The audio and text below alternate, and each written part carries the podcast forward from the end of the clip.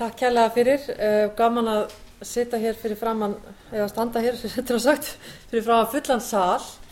Þegar við vorum að skipulegja uh, dagskrána, það var ég nú eiginlega alveg vissu það að það sem ég var í síðustu, þá myndur nú mjög fáir vera eftir.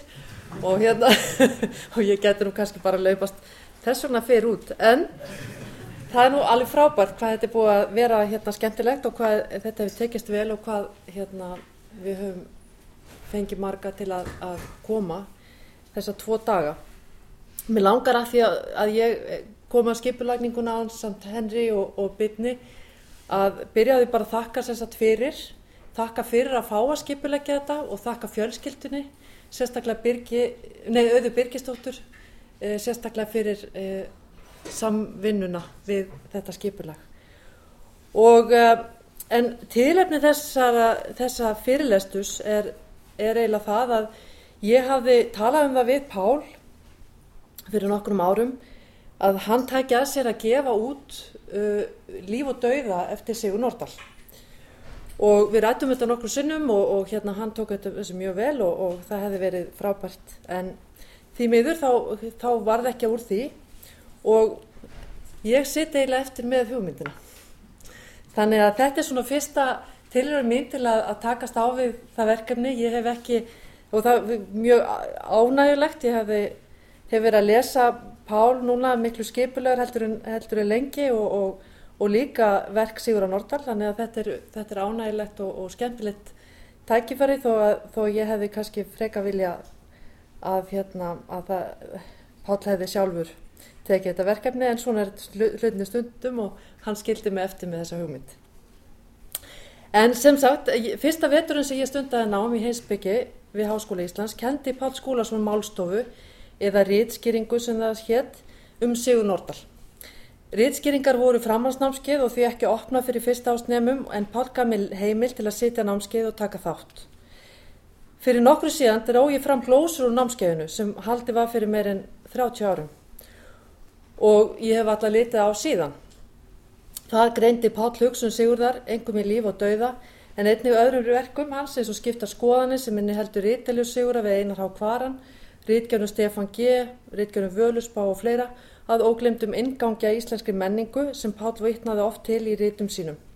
Og þá að þessum tíma var einlind og marglildi fyrirlestra röð Sigurðar frá 1918-19 ekki komnar út á brendi. Og það er alltaf gaman að því vegna sem við vorum að tala hér um, um, um sko, kjænslu aðferðir að þessari glósur eru ótrúlega heilstæðar og það er hérna, ég er ekki vissum að, að nefnundur í dag sem fá, fá glæru pakka, pakkana skrifi svona glósur lengur.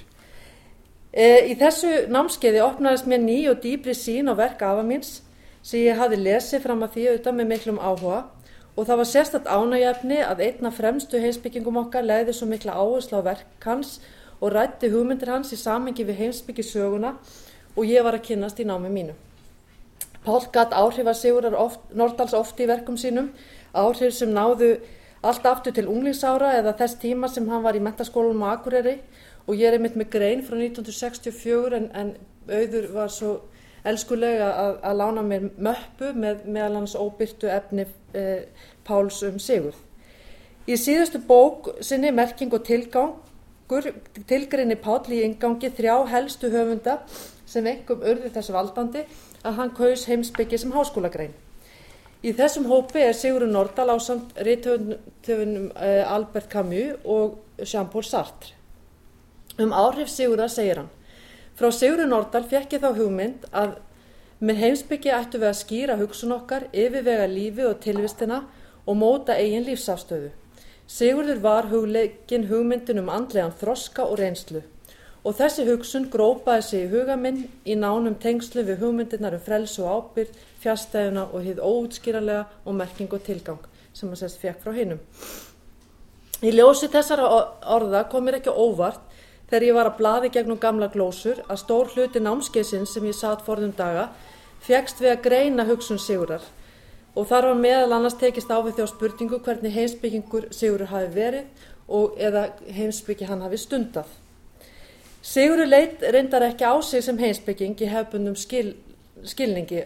Orðaði það reynda svo í líf og dauða að, hann, að í heimsbyggi væri hann utan veltu besefi eða til að setja hann í samengi við hans eigin orð þá má segja að hann hafi litið á sig sem heimsbyggingi ofur hverstaslegum skilningi því hann lagði áherslu á að allir væru heimsbyggingar hvort sem þeir gerðu sig grein fyrir því eða ekki. Og um það segir hann það er ein tegund heimsbyggi að brjóta heilan um það hvernig þeir eigið að lifa og það er önnur tegund heimsbyggi að afneita allri hugsunum slík efni. Þið hafið glatað hinnu örugu eðlisku dýrana það verður aldrei aftur tekið enginn kemst hjá því í þessu áhættusama og flókna mannlífi að fara eftir einhverju lífskoðun einhverju trú í hegðun sinni og lífverðni tilvitnu líkur eins og víða kemur fram hjá páli byrtist afstæða sigura til heimsbyggi bæði til hennar sem fræðigreinar en ekki síður sem afstöð til lífsins kosta til lífsins og kosta þess og gilda. Hún var honum yfirvegun þess lífs sem við lifum og það er einmitt þessi yfirvegun sem páli var hugleikin. En hann fjalla líka um það hvernig sigurur ræðir andlega reynslu og svo hugsun byrtist hjá páli með margvíslegum hætti. Og svo kannski þriðja atriði sem hérna við langar að aðeins að getum er auðvitað e, umtalsefni er áhugi begja á íslenski menningu skilningi á því hvað það er að vera íslendingur sögu okkar á menningu eins og pál segir þessi áhersla á íslenska menningu sem, sem finnst finna má hvarvetna í verkum sigurðar er kjarnin í því sem ég vil leifa mér að kalla heimsbyggi Sigurðar Nordals. Heimsbyggi hans er rétt nefnt heimsbyggi íslenskrar menningar. Þó að Pál skrif ekki um íslenska menningu með sama hætt og Sigurður, sem hann var auðvitað að skrifa um íslenska bókmyndir og, og sögu einhverju leiti, var hann líkt og Sigurður meðvitaður um þá skildu sem það legðu á okkur að fæðast hér á landi inn í samfélag smáþjóðar sem hefði fengið í arf tungumáls, merkilegar bókmyndir, sögu og, og, og land sem okkur bæri að rækta og rækja. Báðir veltuð fyrir sér vissum óheilindum í afstöðu Íslendinga til ímessa mála og hvernig við hefðum komið okkur hjá því að taka afstöðu e, eða skort og töluðu báður um skort á að skilja sögu okkar eða, og horfast í augu við einstaka atbyrði í, í sögu okkar. Áhugð þeirri bendist þannig inn á við og þeir voru óhrætti við að brína landa sína til þess að taka þessar spurningar alvarlega en á sama tíma var þeim einni tíðrætt um það hvernig við Íslendinga litum á stöðu okkar kakvart öðrum þjóðum og okkar nágrann á þjóðum. Sigurður skrifaði ekki síst um samskipti í Íslendinga við Dani en Pál, Páli var umhugað um samskipti okkar við aðrar Evrópuþjóður og stöðu okkar í Evrópu. Í skýrnisgrein Páls um menning og markasíkju leggur hann út frá hugleðingu Sigurðar um þær skildur sem íslensk menning leggur okkur á herðar og hann svarar því til, Pál, í þessari grein að okkur hafi ekki tekist vel upp að rækta þessar skildur þvert á móti hafi gildismat markaðar tekið yfir flest önnur svið og við lítum í vaksandi mæli á menningarvermandi okkar út frá gildi samkeppni frekar en gild, þeirra eigin gildum. Að það hafi verið svona svið að villa eins og einhver orðaði það hér í gær. Tímasetning þessara greina var merkileg því hún kom út voru 2008 skömmu fyrir bankarhunnið því að það var eins og hulu væri skrift frá augum okkur og við sáum það sem Pál var að lýsa í greininni, við sáum það bara eiginlega berum augum. Og við sáum hvernig fjármálakerfið og viðskiptalífið hafði yfirtekið Íslands samfélag og alla kema þess nánast. En Pál og Sigur áttu náttúrulega ímislega sammert líka annað, var, þeir voru brauðröðundur í háskólakjænslu hér á landi Sigurður kom til kennslu í íslenskum bókmyndum við upp af skipuleira háskólakennslu hér á landi og pálaði grunna námsgreinin í heimsbyggi upp úr 1970. Þrátt fyrir að áratíu væri millir þess að þeir hafi störfið þessa stopnun sem við erum í, var í jarðvegurinn sem þeir komið að að mörguleiti fábreyttur. En þessar, þessar aðstæður ábyggla mótuðu þá báða mjög mikið og menningarlegur áhugi þeirra en það sem gerði svona samilega það verkum að þeir sáu mikilvægi þess að háskólakennari ritaði fyrir almenning og, og reyndi eftir mætti að svala áhuga almennings og vekti hann til umvöksunar um mikilvæga spurningar. Í einni grein segir Páll að höfu kostur á ritverkum Sigura hafi verið tilvitnum hversu vel húnum hafi tekist að glæða áhuga lesenda til að vega og meta hlutina sjálfstætt Þannig hefur honum hefnast að fá lesendur til þess að vinna sjálfa og hyggja að miklu fleira en það, það sem hann færir fram jáfnfra því sem hann hefur oft fjallað um afstöðu í einstaklingsins í tilvörinni og viðhorf hans og viðmót til lífsins. Tilvitni líkur þessi orð Páls um sigur eiga ekki síðu vel um Pál sjálfan. Margt er líkt með hugvekjum og hugleðingum Páls um heimsbyggil og heimsbyggilegum skrifum Sigur á Nordals. Áherslan er að vekja aðtikli lesenda eða áhærenda á tilteknum spurningum og ræða þau með heimsbyggilegum hætti. Fá fólk til þess að fara að hugsa sjálft.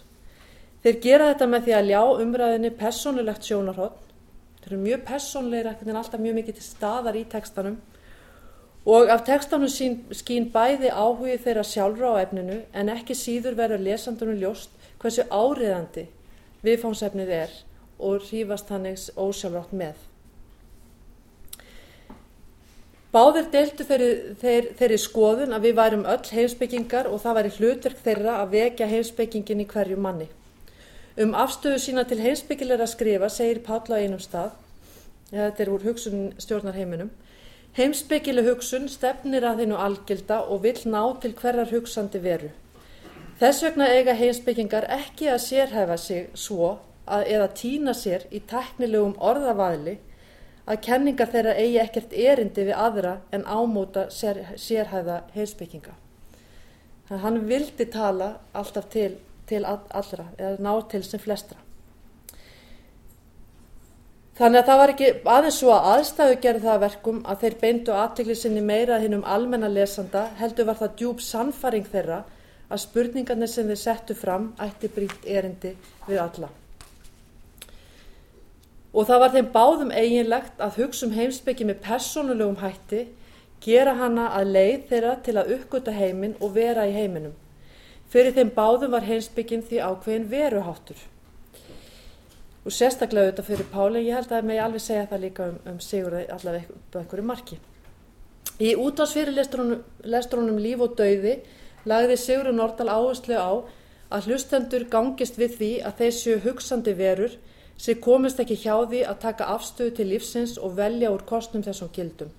Þannig eigi hver manneski að huga að sálsinni, axla ábyrð á sinna eigin frjálsu hugsun og við, þar með sjálfum sér í því. Við erum, eins og hann orðaði það, erum og verðum það sem við hugsum. Sigurður setti sig í upphafið þessara og staðsetti sig í upphafið þessara fyrirlestra í anstöðu við það sem hann kallaði skólarskipveki en eins og Pál benti á í bæði á fyrrgröndu námskeiði og í rítum sínum átti hugsun Sigurðar sterkar rætur í klassískri hinsbyggi, í Sókratesi og allt til mill og hann ætti líka ímislegt sammert með tilvistarhinsbyggi. Lífsafstæða Sigurðar var líkt og Páls siðferðileg. Þeir bríndu báðir fyrir okkur mikilvægi þess að taka lífið alvarlega og í því fælist að huga ættið að skildum og ábyrð. Hjá Sigurði byrtist þessi ábyrg okkar lífinni í þeirri skildu og horfast í aug við líf okkar og meta lífskosti.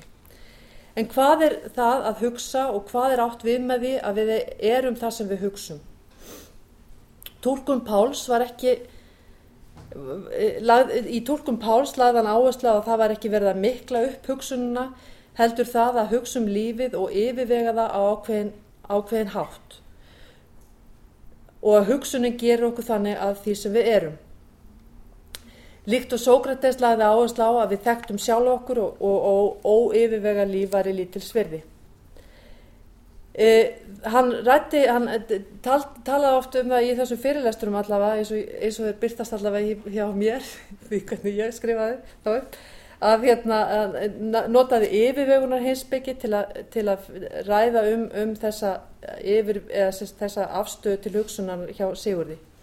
Í líf og deyða leggur, leggur Sigurður áherslu á þá spurningu hvort við eigum að gera ráð fyrir líf eftir dauðan og þetta, þessi titill, líf, líf og dauði yfirvegunni um dauðan eða endaleikan að hans mati krefur okkur um að huga lífunu hér og nú.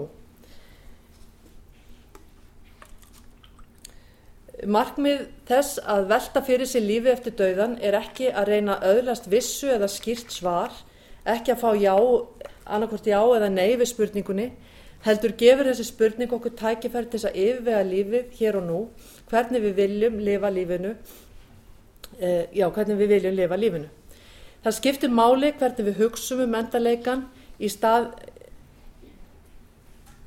og taka afstöðu þess, til þess hvort hann er endimörk eða áfangi spurningin er ekki hvort líf sé eftir dauðan eða ekki heldur af hverju skiptir máli að gera ráð fyrir honum nú eða gera ekki ráð fyrir honum. Hvernig breytir það því hvernig við hugsum um þetta líf hvernig móta það lífs afstöðu okkar og breytni? Og það er aldrei sláandi þegar ég var að líka að lesa hérna formála Þorstis Gilvasonar að einlendi og marglendi og þá gefur hann mjög lítið fyrir þessa pælingar í líf og dauða hjá, hjá Sigurði. En einmitt sko Sig, Páll er svo, er svo örlátur rítskýrandi að hann tekur alltaf jákvæðari partin heldur en hinn. Það var svo gaman að lesa á saman hérna, um ó, mjög ólíka afstöð hérna fannst þetta mjög hérna, lítils hérna, gerði lítið úr þessari, þessum pælingum og, og það að, að maður þurfti að fara að hugsa um það og það var eitthvað mikilvægt að það væri líf eftir dauða. E, dauðin hefur merkingu eða þýðingu fyrir mannin við erum gætt við erum gætt um, frelsi en förum illa með það erum ekki með sjálfum okkur en stundum er eins og hulunni sé svift og við gerum okkur greið fyrir stöð okkar og að lífið hefur ekki orðið það sem það gætt orðið. Með því að með því að taka þessar spurningar alvarlega eigum við möguleika á að þroska hugsun okkar og okkur sjálf. Leiðin að svari við spurningunni skiptir mestu. Hugsunin á að vera skapandi og þannig skapar hún okkur sjálf og mótar. Fyrirlestrar sigurðar beina aðteklina hverjum hlustanda eða lesanda hvernig við við hvert og eitt ræktum hugsun okkar og þroskum eigi líf. Allt veldur á því hvernig við hugsum um það hvað við allt veldur á því hvernig við hugsum og um hvað við hugsum segir hann. Pál tekur auðvitað, leggur mikið, bara þessi titill á bó, einni bókinans er hugsunum stjórnar heiminum, áherslan á, á því hvernig við hugsum um hérna, heiminn. Og hann tekur hugsununa lengra því hann, það er ekki aðeins að hún móta okkur sjálf og okkur persónlega líf heldur mótar hugsunin heiminn sjálfan og þá verðum við að velta fyrir okkur af alvöru hvaða hugsun, hugmyndir eða hugsunni stjórni heiminum og mótan. Erum við först í krettum eða leifum við frjálsa og skapandi hugsun? Eða eins og hann segir sjálfur, við látum stjórnast í hugsun okkar af hugmyndum og hugtökum sem við höfum aldrei yfirvegað eða spurt okkur um hvað merki eða fel í sér. Þar með göngum við til móts við veruleikan eins og óviti á vit örlega sinna, segir Pál. Fyrir Sigurði var andleg reynsla likil hugtak í fyrirlestrunum líf og döði. Á einu stað segir hann, andleg reynsla er mér ekki einungist veruleiki, heldur verulegust af öllum veruleika. Það er eins og einhver, einhverju þóku eða hjúp hafi verið svift frá sjónum okkar, hún getur aldrei brotið í báa við skynnsimina. Þannig að hann lýsir andleri reynslu sem er, er tengd skynnseminni. Andli reynsla hefur að, að, í þessum skilningi aðgangað hennum andlega heimi og hún er dýrmatasta og mikilvægsta reynslan sem til er og hann taldi þessa reynslu veit okkur þekkingu sem sumum virtist mótsögn sagt, og vera anstað vísindalegri hugsun og raunverulega anstað skynnseminni. En þannig var ekki þessi sín hérna sigurðar á andlega reynslu og Pál tólkar andlega reynslu ekki sem dulranna reynslu og sér einmitt þessa, liftur upp þessari hugsun hans e, eða þetta sé einungis sem sálrand fyrir bæði, bæri heldur veitir við samband við heiminn eða veruleikan í kringum okkur. Að vissumarkir hér um dulræna reynslu því sá sem upplifir andlega reynslu hefur ekki stjórn á því hvernig veruleikin afhjúpast honum þegar hann verður fyrir þessari andlegu reynslu. Andli reynsla er upplifun eins og eitthvað alveg nýtt komið til sögunar og þetta er tólkum Páls á, á Sessa Sigurði, hún raskar æfinlega vissu samhengi sem fyrir er og er uppspretta nýrar úrvinnslu á raunveruleikanum eins og við þekkjum hann. Krefst nýs samhengis eins og hann orðaða.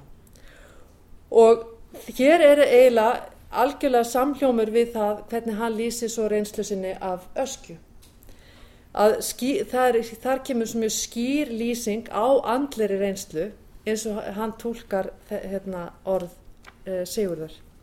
Og það er auðvitað ekki hægt að sleppa ösku hér í lókin hérna ég þarf ekki að lýsa efnigreinarinnar e, það er búið margir búin að nefna hann, hana. Og upplifun Páls þegar hann kemur í ösku fyrsta sinn. En, og hann lýsir þessari sem sérstakri reynslu segir hann á einu stað og annari, an, annars staðar sé hann andlega reynslu eða opinberun E, maður, eins og hann segir, maður hefur á tilfinninguna að maður hafi numi veruleikan allan í fortíð, nútíð og framtíð, komin að leiðarenda, segir hann, komin í snertingu við veruleikan sjálfan, hugurinn opnast fyrir fullkominni fegurð og maður séu loksins um hvað lífi snýst. Maður eru öðlast í jarðsamband. Þetta snýst um grunntengsl við veröldina. Og ég verð nú að segja, ég hlustaði á að, hérna, Páls eh, halda hérna fyrirlestur held ég í fyrsta skipti hérna í Otta fyrir allmörgum árum síðan og hérna, en ég fór einmitt til að ösku hérna í kringum 1980 og varð fyrir andleri reynstu. Mér varst mjög merkjöld að hlusta á Pál þarna lýsa þessu raunverulega það sem hérna var, var hérna, ég hafi tengdi svona vel við. Þannig að, og, og það er greinilegt að mjög margir hafa, hafa tengsl til það. En ég ætla að, að láta þetta næja um svona hvernig þessi hugsun þess, þeirra þessara tveggja samtvinnast með margvíslegum hætti og vonandi verður líka, get ég hérna haldið áfram með þessar, þessa vinnu.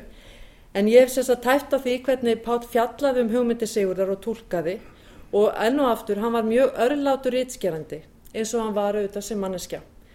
Og þess vegna er svo áhugavert að sjá hvernig hann lýsir, hérna, leggur sér fram um að lýsa hugsun Sigurðar með heilstæðum hætti og gefur honum alltaf kredit.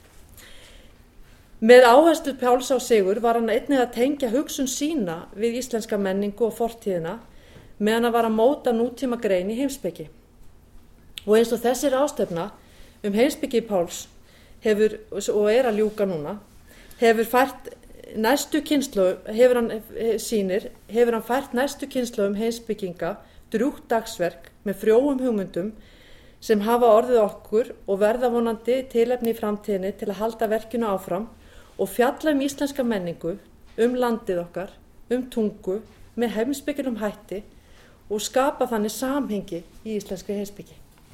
Takk fyrir.